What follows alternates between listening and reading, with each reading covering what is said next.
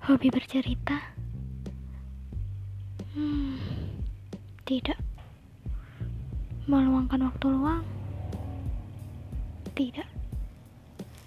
Hanya bosan.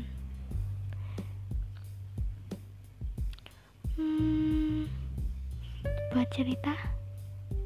Ayo, let's make new story with me.